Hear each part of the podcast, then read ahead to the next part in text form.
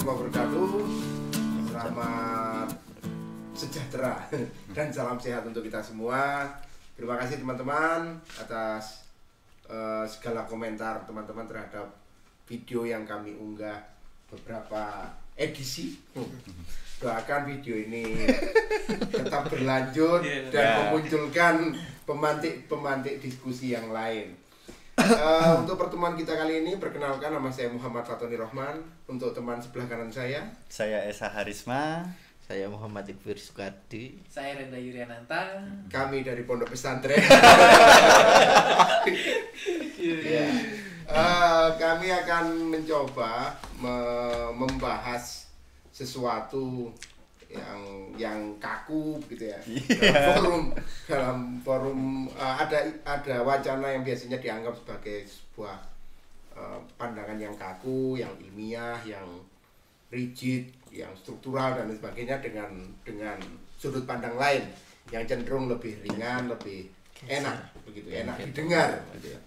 Ini juga mungkin sekaligus menjawab pertanyaan dari Mbak entah Mbak siapa itu yang eh, bagaimana kedudukan bahasa Indonesia di TikTok itu. Ya. Nanti akan kita bahas itu. Eh, materi kita kali ini tentang pemantik diskusi kita adalah tentang ilmiah dan Populer. populer. Ya. Tentu ada dikotomi, ada biner ya, ada oposisi biner antara ilmiah dan populer. Yang satu eh, wujudnya konkret begitu kotak begitu kotak Kaku. kaku. Eh, yang satu lagi tidak berwujud. Cair. Sangat cair. ya, sangat cair dan lain sebagainya. Itu akan kita bahas. Tapi kerangkanya jelas bahwa yang kita bahas itu adalah tulisan eh, kerangka dalam format tulisan ilmiah dan karya tulis ilmiah populer. Saya akan mengawali itu dengan mengawali itu mengawali eh, Topik. diskusi topik kita kali ini dengan eh, klasifikasi penulisan gitu katanya menulis itu ada ragam tulisan ilmiah ada ragam tulisan populer dan ada untuk seni dan sastra kita tidak membahas seni dan sastra karena memang eh, ranahnya lain yang kita bahas adalah populer dan ilmiah Ilmiah. Ya. Bagaimana? Apakah pembukaan saya sudah cukup? Cukup atau belum? Sudah mantap. Pengantarnya sudah. cuma segini. Iya, Iya, iya, iya. Baik, Eh, begini, eh, menurut saya, menurut saya pribadi bahwa populer dan ilmiah itu bisa kita lihat dari beberapa sudut pandang. Yang pertama adalah, sebagaimana saya ungkapkan di awal, ada eh, salah satu sifat ilmiah itu adalah ada strukturnya, ya, ada sistematikanya. Lah perbedaannya juga ter- perbedaan antara kedua itu ya ada ada pada sistematika itu. Ya, yang ilmiah tentu ada tahapan-tahapan, ada pembapan atau apa pun lah bentuknya, tapi yang pasti ada struktur sistem sistematika yang rigid, yang baku. Template. Ya, ya, ada template. Kemudian yang kedua penggunaan bahasa mungkin ada perbedaan. Yang ketiga adalah segmentasi. Ini yang, menurut saya agak menarik untuk kita kaji karena apa? Eh, seperti yang pernah saya kami kami diskusikan dalam entah saya lupa video keberapa begitu ya mungkin ke seribu atau ke lima ratus Satu-satu. ya, Iya, iya. Eh, tentang eh, ilmiah bahwa wacana ilmiah itu selalu terkotak dan melingkar di institusi-institusi pengetahuan. Salah satunya adalah universitas, maka ada istilah menara gading. Lah, kemunculan dari ilmiah populer ini adalah sebagai eh, Wujud apa? usaha. Ya, wujud usaha untuk menyalurkan ya bendungan ilmu di institusi ke, ke institusi ilmiah itu kepada masyarakat penggunanya. Saya kira itu Eh, segmentasi ini tentu akan menjadi lebih luas. Kalau selama ini makalah itu hanya dibaca oleh dosen, dibaca oleh temannya. Kalau tidak tidur, kalau tidur ya berarti temannya tidak ikut baca. Gitu. Dosen pun kalau tidak khilaf, kalau khilaf juga tidak ikut membaca. Tidak, ini saya saya saya yakin bahwa semua itu memiliki etos kerja untuk membaca itu dalam kerangka ilmiah. Tetapi segmentasinya kan sangat terbatas. Ya, segmentasi terbatas ini ya sebuah karya ilmiah itu hanya di, di bisa diakses oleh orang yang memiliki eh, kesempatan dan memiliki eh, kedekatan dalam akses itu. Saya kira kalau contoh jurnal-jurnal humaniora, jurnal-jurnal sastra yang yang mengakses ya teman-teman dari sastra. Jurnal-jurnal pendidikan yang mengakses ya teman-teman dari pendidikan. Maka meskipun ada ilmiah ini ada wadah publikasinya yaitu dalam bentuk jurnal, tetapi eh, ini juga ada limitasinya, ada keterbatasan dari jurnal itu yaitu aksesnya adalah ke kesamaan sudut pandang, kesamaan pengetahuan. Lah, munculnya ilmiah populer itu adalah untuk lebih meluaskan dari akses, lebih meluaskan dari wacana apa penyampaian informasi itu pada segmentasi yang lebih luas. Eh, mungkin sudah pernah kita ungkapkan bahwa eh, saya kira penelitian ilmiah itu kadar kebenarannya kan sudah 99%. Nah, skripsi contohnya. Skripsi ini 90 minimal 90% sudah benar lah begitu. Ya kalau di bawah 90% kelihatannya lulusnya akan diragukan ya. Jelas tidak lulus ya di bawah itu. Tapi secara sistematika, secara pembahasan, secara apa pun, secara narasi yang dibangun skripsi itu sudah memenuhi kaidah kebenaran. Maka isinya pun benar Lah menjadi masalah adalah ketika skripsi yang ditulis oleh teman-teman pendidikan bahasa Indonesia tentang eh, media, contoh tentang media, tentang bahan ajar, tentang kurikulum dan lain sebagainya. Kalau dalam logika saya yang 90 90% benar, maka sebenarnya kan media ini aplikatif, bisa diterapkan dan lain sebagainya. Secara secara logika ini benar. Menjadi masalah adalah guru kita, guru-guru di luar universitas, guru-guru yang sudah berpraktik di sekolah-sekolah, ini kan justru permasalahan utamanya adalah kesulitan media ajar, kesulitan bahan ajar, kesulitan dalam pembaruan proses pengajaran. Padahal ini sudah diteliti oleh teman-teman yang bergerak di bidang pendidikan. Pendidikan. Nah ini menjadi ada jarak antara masyarakat pengguna pengetahuan dengan peneliti. yang satu berada di lingkup universitas sebagai menara gading, yang satu pada masyarakat gitu. Nah, salah satu upaya dari itu menurut saya adalah dengan adanya saluran baru yang disebut dengan karya tulis ilmiah Populer. Populer di sini yang pertama bisa kita cermati adalah bahasa. Tentu kalau bahasa ilmiah kaku populer cair, ya. Yang kedua sistematika. Ya kalau tulisan ilmiah itu butuh bab satu, pendahuluan, bab 2, metode, bab 3, kajian pustaka dan seterusnya berdasarkan selingkuh institusi populer juga tidak mungkin begitu gitu ya. Eh, karena ya segmentasi kita tidak membutuhkan masalah rumusan masalah. Petani kita tidak tidak membutuhkan rumusan masalah teori tidak membutuhkan itu gitu. Maka sistematikanya pasti berubah. Yang ketiga adalah apa ya? Saya lupa. Segmentasi bahasa eh, sistematika. Ya ini yang perlu yang oh anu media media, Media. yang ketiga adalah media kalau forum ilmiah mungkin jurnal ya jurnal ilmiah kalau eh, tulisan ilmiah populer itu adalah tulisan dalam konteks ilmiah memiliki narasi ilmiah tapi disampaikan melalui media yang lebih populer Populer. bisa jadi koran majalah dan lain sebagainya tentu keterbatasan ruang itu akan berdampak kepada pola dan yang seperti saya ungkapkan di awal sistematika begitu. Kalau kita menulis e, mentransformasikan, mengubah skripsi kita yang dari 600 atau skripsi 70 ya. 70 sampai 100 halaman. Itu lampiran. Nah, kalau ada lampirannya Itu yang dilampirkan apa? antara 70 sampai 100 halaman begitu. Maka harus kita ubah harus kita kompres menjadi kira-kira satu halaman Ya. satu halaman pada media media populer. Tentu ada transformasi itu. Nah, tetapi yang paling penting dari perubahan ini adalah adanya wacana untuk lebih menyebarkan pengetahuan kepada orang-orang yang lebih membutuhkan, pada masyarakat yang lebih membutuhkan, sehingga pengetahuan itu tidak tersentral dan tidak hanya dimiliki oleh elit-elit pendidikan kita, gitu ya. elit-elit pengetahuan kita yang biasa berkumpul pada tempat-tempat namanya institusi pengetahuan. Demikian untuk ah, ini, ini monolog. Ya, ini belum lanjutin yang lain. Oh, belum ya, saya kira sudah Kita- selesai. kita- Oh, sudah selesai. Tapi sudah habis loh. Sudah habis. Lah kita mau bahas apa lagi? Baik, Disikat habis. Ah, loh. Kita berjumpa pada tidak itu menurut saya. Eh, Iya, iya. bagaimana? Monggo teman-teman menyikapi ilmiah dan populer ini. Baik, kalau eh, saya menempatkan ini dulu bahwa nanti mungkin untuk eh, pemahaman dari teman-teman yang menonton eh, diskusi kali ini yang jelas harus punya pemahaman dulu dari eh, referensi yang didapatkan atau sumber-sumber utama terkait tulisan-tulisan ilmiah itu apa saja, tulisan populer, Populer. apa saja sehingga nanti akan mudah dalam Betul. memahaminya gitu. Karena kalau tidak begitu nanti bingung eh, ketika mengatakan eh, tulisan yang ilmiah populer yang seperti apa nanti akan akan bingung dengan itu. Tapi eh, secara umum ya yang paling mudah saja ketika kita mengatakan ilmiah tadi ya berarti gambarannya ada sistematika yang harus dipenuhi dan seterusnya gitu. Kemudian bahasanya kaku. Nah, eh, kemudian rata-rata ya pasti ada di bidang eh, institusi pendidikan begitu pendidikan tinggi khususnya.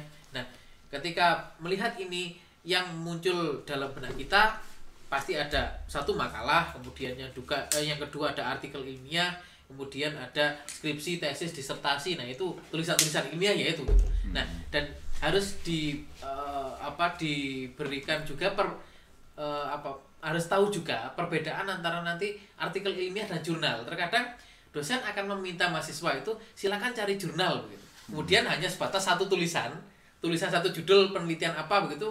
Nah, itu dikatakan sebagai jurnal padahal ini adalah artikel ilmiah ya. Jadi kita tengahi dulu bahwa satu tulisan eh, mengenai eh, judul penelitian apa begitu kemudian eh, ada judul, ada nama penulis, ada abstrak, kemudian ada kata kuncinya, ada pendahuluan, ada mungkin sampai akhir ada daftar, uh, pustaka begitu. Nah, itu ad- adalah uh, Artikel. artikel ilmiah dan biasanya 15 sampai 20 halaman gitu. Itu pada umumnya itu. Nah, itu dikatakan artikel ilmiah. Nah, kalau ini dikumpulkan menjadi beberapa artikel ilmiah ya dalam satu kali terbitan. Nah, Itu terbitan ini yang namanya jurnal. Nah, jadi agar uh, uh, teman-teman tahu dulu bahwa oh ternyata beda antara jurnal dan artikel ilmiah. Tetapi biasanya dosen uh, menggunakan istilah silakan cari jurnal.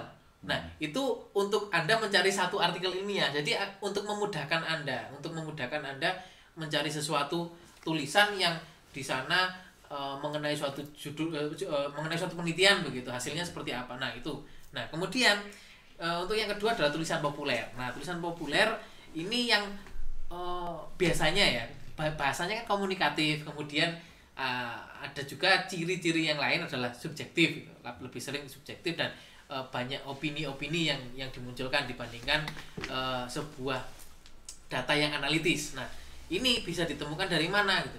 Anda bisa membaca sebuah biografi gitu, sebuah esai ya. Nah, nanti ketika dipertemukan antara ilmiah dan populer ini bisa jadi sebuah esai yang gaya bahasanya itu bahasa yang komunikatif, yang santai dan tidak kaku, yang mungkin ya kalau dalam bidang bahasa begini, ketika me- mengungkapkan tentang sebuah struktur struktur bahasa eh, Indonesia begitu, struktur struktur kalimat begitu, kami akan di bidang bahasa akan menggunakan ka- eh, kata sintaksis gitu. Sintaksisnya eh, bagaimana wujud eh, dari sintaksis untuk membedah kalimat ini kan begitu. Tapi kalau di dalam masyarakat umum tidak akan menggunakan kata sintaksis gitu.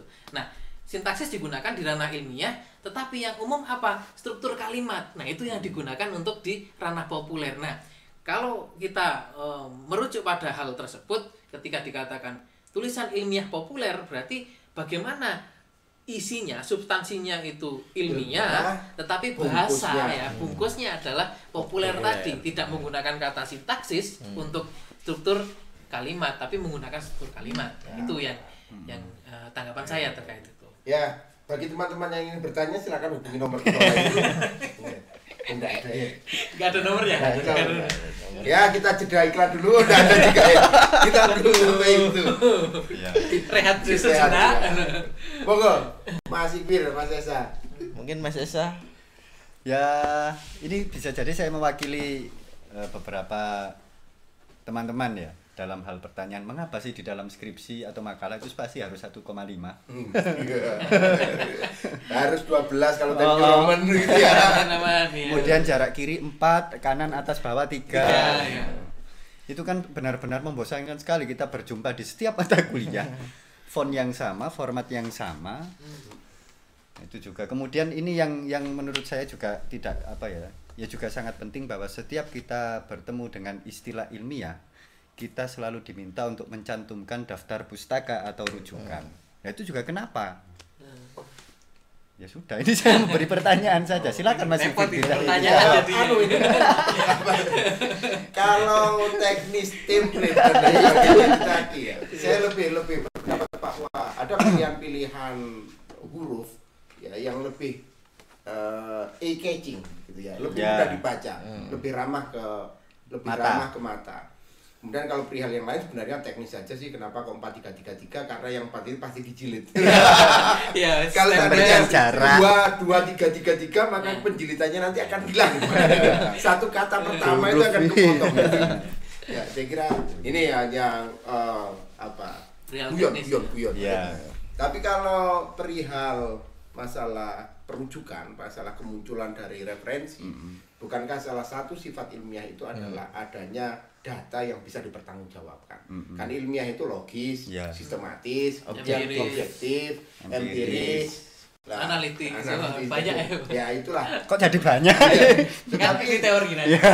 Salah satu itemnya adalah bahwa segala hal yang kita munculkan dalam karya tulis ilmiah itu harus bisa dipertanggungjawabkan bentuk pempertanggungjawaban itu adalah keterlacakan rujukan kemudian kapasitas eh, yang daftar rujukan kita gitu ya karena ada beberapa wilayah mungkin yang eh, bisa digunakan untuk populer tapi tidak bisa digunakan untuk ilmiah contohnya kan begitu itu menurut saya masih Fir anu no comment atau Oh, preliminary? sama, sama. Oh, sama. sama dengan Ikut. Pak Watoni karena Oh, iya. kalau untuk eh, pertanggungjawaban ilmiah memang ruang akademik dituntut seperti itu. Jadi Iya. Anda tidak bisa eh, menyamakan ruang akademik dengan ruang-ruang virtual di mana Anda bisa ngoceh seenaknya kemudian tanpa tanggung jawab. Siapa? Saya.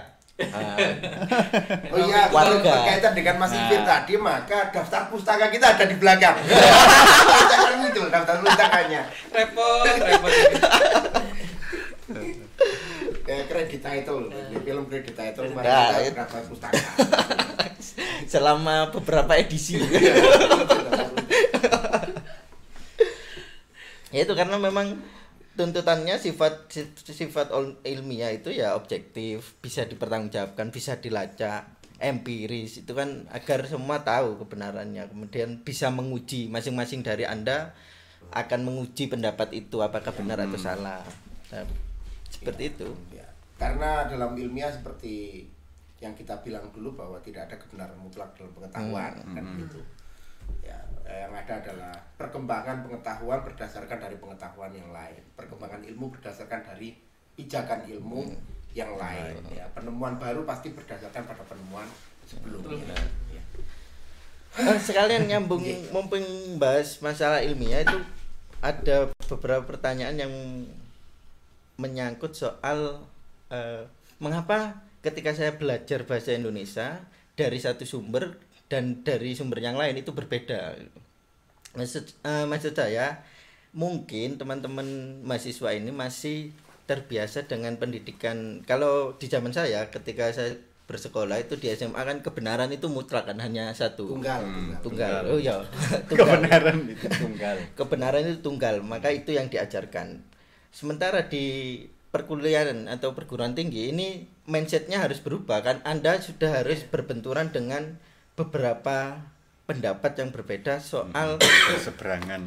eh, eh, Fenomena yang sama, teori. Ya ya. fenomena yang sama dengan beberapa pandangan yang berbeda kemudian saling berseberangan dan itu harus anda biasakan karena ruang perkuliahan ya bukan tempat sekedar anda belajar saja tapi juga media untuk anda ikut turut serta mengembangkan ilmu pengetahuan luar biasa luar biasa. silakan ditanggapi. Ya saya eh, eh, masuk di sini ya sebenarnya itu juga eh, apa ya yang sering terjadi di mahasiswa memang mahasiswa sudah terbiasa bahwa oleh guru diberitahu yang benar ini yang salah ini. Akhirnya ketika memiliki suatu pandangan yang berbeda takut untuk mengutarakan. Itu itu menjadi permasalahan. Kemudian ketika eh, saat ini mungkin teman-teman akan berjumpa dengan banyak teori yang bisa membedah satu permasalahan. Nah, dari banyak teori itu kita kan hanya tinggal menggunakan teori mana kita eh, membedah itu, kemudian apakah ini eh, bisa ditentangkan atau atau dipertentangkan dengan teori yang lain untuk membedah itu? Atau bahkan ini bisa dijadi jadikan paduan untuk membedah suatu permasalahan. Nah, itu kalau menurut saya eh, perlu dari mahasiswa menyikapi bahwa tadi bahwa bahwa sebenarnya, sebenarnya kalau untuk kebenaran teori kita bisa kok menggunakan eh, dasar teori siapa saja boleh. Hanya saja ke, kembali ke, kepada ilmiah tadi ya. Apakah yang disampaikan itu memang sudah eh, dibukukan atau dijurnalkan atau pernah dilakukan sebuah penelitian dan sumbernya memang data yang valid gitu loh. Bukan data yang eh, contoh ya kan ada juga begini ya. Eh, saya memberikan tugas kepada mahasiswa di teknik begitu menulis tentang makalah gitu dia menulis dimasukkan di web. Nah Hmm. dia kan mahasiswa teknik ya. Nah apakah sudah pasti di web tersebut memang tulisannya valid begitu? Kan belum tentu.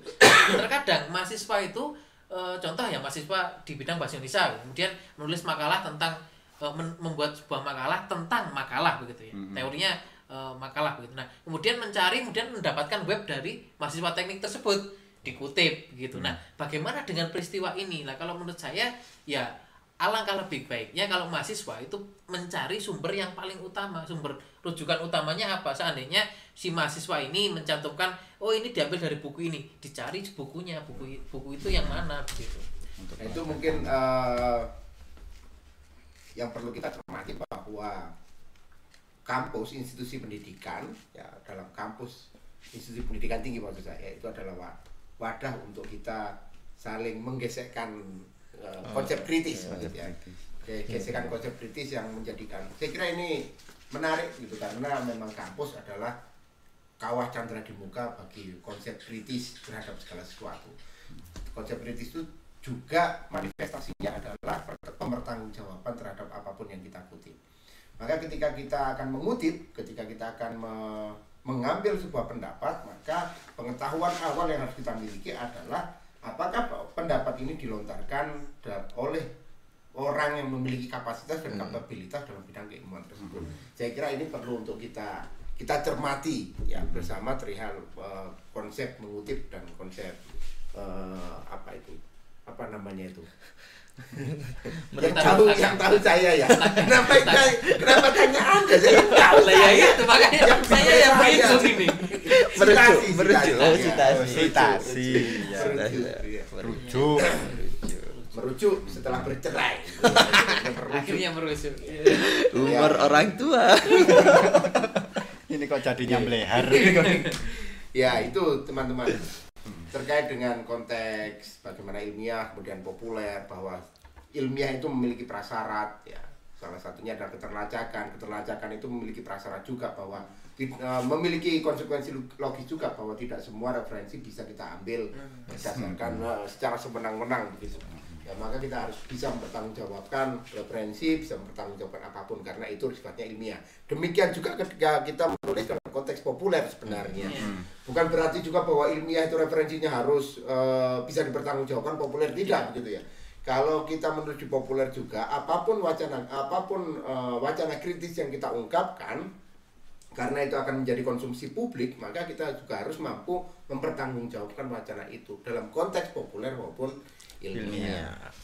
Ya, dan dan kalau dilihat dalam faktanya di tulisan populer itulah yang lebih sering memunculkan hoax-hoax itu ya. Jadi pada pada fenomena saat ini orang biasanya ya orang itu asal menulis dari apa yang didapatkan. Contoh mengenai undang-undang cipta kerja kemarin itu. Nah, ketika di undang-undang itu tidak dituliskan bahwa eh, sudah dituliskan eh, susunannya mengenai nanti untuk orang yang eh, eh, eh, apa eh, pe- ti- tidak bekerja itu eh, pengangguran nah, Pengangguran. nah, bukan, bukan Bukan. orang yang setelah kerja kemudian dia di PHK nah di PHK dia oleh eh, mendapatkan pesangon begitu Oh, nah iya. pesangon itu sebenarnya di undang-undang cipta kerja itu ada ada tulisannya mengenai maksimalnya 25 gaji eh, bulan 25 bulan gaji nah Hmm. itu kan ada seperti itu tapi turun di masyarakat akhirnya apa tidak tidak digaji tidak mendapatkan pesangon nah Hmm. ini akhirnya apa digunakan oleh masyarakat untuk diungkapkan kemudian Hmm. memunculkan sebuah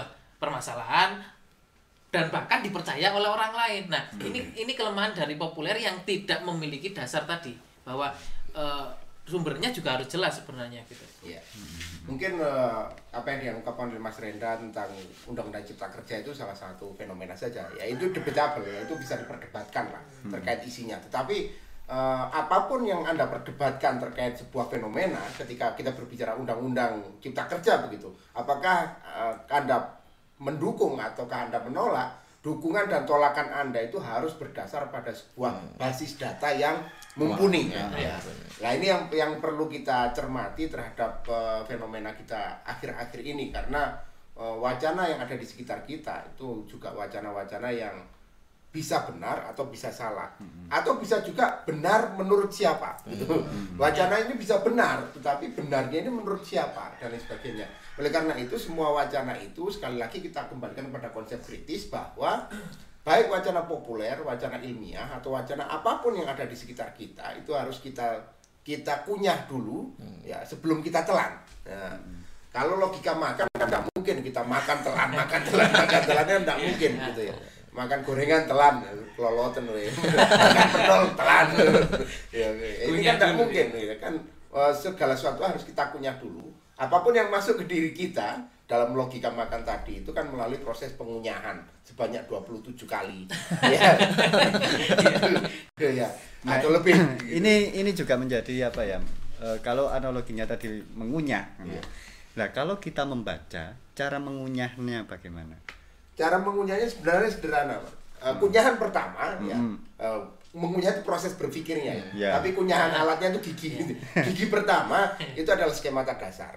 Skemata dasar itu adalah pengetahuan dasar yang kita miliki sebagai bahan referensi itu. Kemudian kita menerima informasi, maka kunyahan selanjutnya pengetahuan ini hanya gigi atas gitu ya. Skemata itu hanya gigi atas, maka kita memerlukan gigi bawah untuk saling menggesek informasi itu. Lah bawah ini adalah ya informasi sanding begitu. Ya informasi apa pun yang bisa kita terima tentang undang-undang cipta kerja gitu, contohnya. Kita memiliki skemata sebagai buruh, saya memiliki ini. Ternyata saya pro dengan atau saya kontra dengan undang-undang cipta kerja. Ini kan masih gigi atas. Ya. Ya seharusnya kita mencari gigi bawah juga untuk bisa mengunyah itu. Gigi bawah itu bisa berarti eh, informasi, ya bisa berarti eh, referensi yang bisa dipertanggungjawabkan, bisa berarti apa pun lah terkait dengan itu begitu. Maka ketika skemata kita kemudian bergesekan dengan eh, referensi-referensi di luar kita yang bisa kita akses, ini maka informasi itu akan kita kunyah dengan sempurna sebelum kita telan karena apa ada ada gesekan antara eh, Skema. skemata Skema kita dengan informasi dan batas eh, apa dari luar itu tadi. Nah. Kalau saya pribadi begitu. Iya, iya saya sepakat bahwa eh, tapi untuk memunculkan skemata ini kita harus punya eh, mengumpulkan informasi baik itu dari membaca, Iya. mendengarkan, berdiskusi. Maka dalam proses mengunyah pun kita juga akan mengunyah dengan baik. Ya, Ya. Tidak Itu sekedar ti- telan. tidak gitu ya. sekedar telan. Artinya gigi kita punya gitu ya. Gigi lengkap, ya. Gigi taring sebagai pencabai Ah, gitu ya. geraham Gigi sebagai sebagai- pelembut itu pelembut Ya. makanan. Iya. Baik, Itu. eh, ya, oh Ina, ini eh, saya akan membacakan salah satu salah satu pertanyaan dari mahasiswa. Jadi seperti apa yang sudah eh, kita janjikan bahwa terus kami janjikan ya bahwa apa yang ditanyakan mahasiswa pasti akan kami jawab nanti ya dengan secara acak ya kami kami akan memilih beberapa pertanyaan dan kalau ada kesempatan seperti ini kami akan memberikan jawaban terkait hal tersebut gitu. Nah, ini ada pertanyaan dari eh, Kasiratul Kutsiyah eh, kelas I ilmu hukum gitu. Nah, salah satu pertanyaan adalah mengenai tanggapan-tanggapan Iya. kita ya, tanggapan kita mengenai video TikTok ya yang baru-baru ini viral yang menunjukkan bahwa seorang pemuda mengatakan pelajaran yang paling tidak penting diajarkan yaitu bahasa Indonesia. Nah, bagaimana tanggapan dari teman-teman Ya. terkait hal tersebut? Kalau saya sederhana saja. begitu. Nah, Hmm, yang TikTok itu diungkapkan dalam bahasa Indonesia atau bahasa yang lain, kan Nah. begitu. iya, iya. itu unik Itu, itu. Kalau saya jawabannya begitu Ah. saja. Kalau dia bertiktok dan mengungkapkan bahwa bahasa Indonesia adalah bahasa yang tidak penting dalam bahasa, Bahasa Indonesia. Indonesia, nah, ini kontradiksi yang menarik. ya, ini menarik. Saya jawabannya begitu saja. Nah, bagaimana dengan teman-teman yang lain mas? Ya kalau sekarang mempertanyakan latar belakang, baik itu pendidikan, keluarga dan seterusnya, mengapa kok sampai dia tidak suka terhadap mata pelajaran bahasa Indonesia kan terlalu jauh. iya. Ya mungkin dia trauma. Ya mungkin karena bahasa Semacam yang, trauma. yang dipelajari itu hanya sekedar struktural, Ya, gramatikal, bisa subjek, predikat, objek. Uh-uh. Yang pernah kita bahas juga bahwa ternyata antara apa yang di sistem ya Uh-uh. lang dan parul, apa yang di sistem gramatikal itu ternyata juga tidak tidak apa tidak muncul di aplikasi personal apa Hmm. ungkapan personal atau verbal mungkin itu juga menjadi catatan pada proses pembelajaran bahasa Indonesia. Iya. sebenarnya. mungkin berkebalikan ya kalau saya pribadi dengan bahasa Indonesia mungkin lah kalau secara dari struktur tadi apa yang dipelajari tidak begitu tertarik pada saat sekolah tapi saya berjumpa dengan puisi. Eh, berapa banyak eh, berapa banyak tit. Tapi pengalaman-pengalaman dari dunia sastra yang itu ada di mata pelajaran bahasa Indonesia itu juga menjadi daya tarik termasuk ketika ada soal kemudian soal cerita nah, meskipun dipotong. Tapi di situ juga saya menemukan apa ya ya pengetahuan-pengetahuan baru dari membaca. Itu saya ketemunya di bahasa Indonesia. Ya masing masing-masing individu itu mungkin ya. Ya, kalau saya sepakatnya ya memang karena faktornya subjektif kan. ya. Kepula kalau kita ngomong bahasa Indonesia tidak penting, kalau Anda bilang tidak penting maka Anda tidak suka dan Nah, ah. Dan Anda tidak bisa memaksa orang yang tidak suka untuk, Untuk menyukai suka. sesuatu yang kita suka dan menganggapnya penting seperti kita Nah, menganggap mungkin dalam hal ini yang tidak disadari bahwa ketika dia tidak suka, kemudian dibagikan di media sosial. Tentu akan menimbulkan pro dan kontra Iya. ya. saya kira itu apa Ya. ada yang lain Sepertinya cukup. Cukup Ya. ya, cukup Baik, terima kasih teman-teman. Eh, sekali lagi bahwa diskusi kami bukan sumber tunggal, Ya. diskusi kami hanya sebagai pemantik untuk kita supaya bisa berpikir lebih kritis lagi terhadap semua fenomena yang ada di sekitar kita. Hidup mahasiswa. hidup dosen Baik, sampai jumpa lagi pada episode selanjutnya. selanjutnya Dadah.